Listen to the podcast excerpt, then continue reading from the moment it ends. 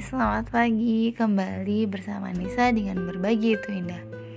Nah, pada episode berbagi kali ini, aku mau berbagi pesannya tuh gini ya. Jadi, netizen-netizen di sana itu ngapain sih gitu loh ngegangguin kehidupan orang lain misalkan ada orang yang mungkin dia cewek terus berpendidikan tinggi terus dia setelah nikah dia nggak bekerja gitu kan. Terus dicibir ya sayang dong pendidikan dia gini gini gini gini gini. Kok nggak kerja? Gitu gitu gitu gitu. Segitu ada yang kerja. Ya gimana dong anaknya siapa yang ngurus? Bla bla bla bla. Ya Ella ngapain sih lo ngurusin orang lain setiap orang itu punya kebutuhannya masing-masing. Mungkin dia bekerja memang kebutuhan dari keluarganya untuk support perekonomiannya dan lain sebagainya. Tapi bukan berarti dia tidak memberikan yang terbaik juga untuk anaknya. Dan ada di luar sana yang kayak mencibir eh, nggak uh, kerja bla bla bla bla bla. Ya lah itu keputusan dia gitu loh. Mau dia sekolah tinggi apa pun ya kalau dia emang mau jadi ibu rumah tangga ya kenapa enggak gitu loh. Berkarya dan berdampak itu nggak mesti di lingkungan kerja. Kita banyak cara loh untuk berkarya dan berdampak. Jadi ya udahlah gitu loh. Pede aja dengan keputusan yang diri mau ambil. Lagian tuh orang-orang ngapain sih ngurusin gitu loh itu keputusan dia kok. Sesuai dengan kebutuhan dia dan keluarganya. Ya percaya aja kalau keputusan dia itu adalah keputusan yang terbaik. Dan yang jadi ibu rumah tangga ya ngapain sih kecil hati gitu? Nggak ya berbangga aja gitu bisa menjadi ibu rumah tangga. Bersyukur punya suami yang nggak menuntut kerja ya nggak menuntut cari uang. Ya kan? Gitu loh. Ente aku lanjutin karena ini tadi ada yang balas juga. Hmm.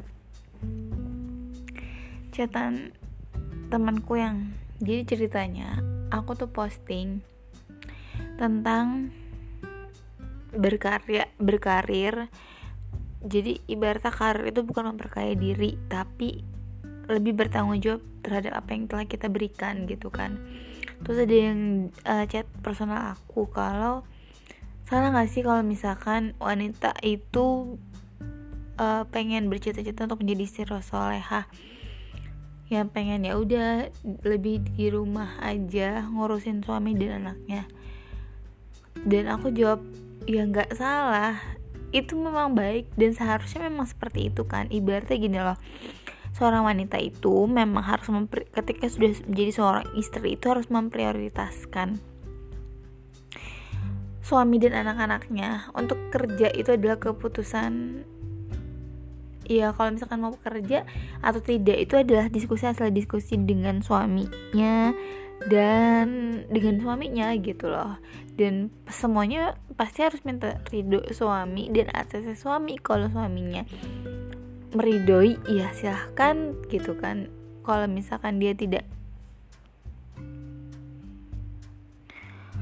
tidak apa ya uh, tidak mengganggu prioritas kau apa ya tidak mengganggu dalam dia melaksanakan kewajibannya sebagai seorang istri dan seorang ibu gitu.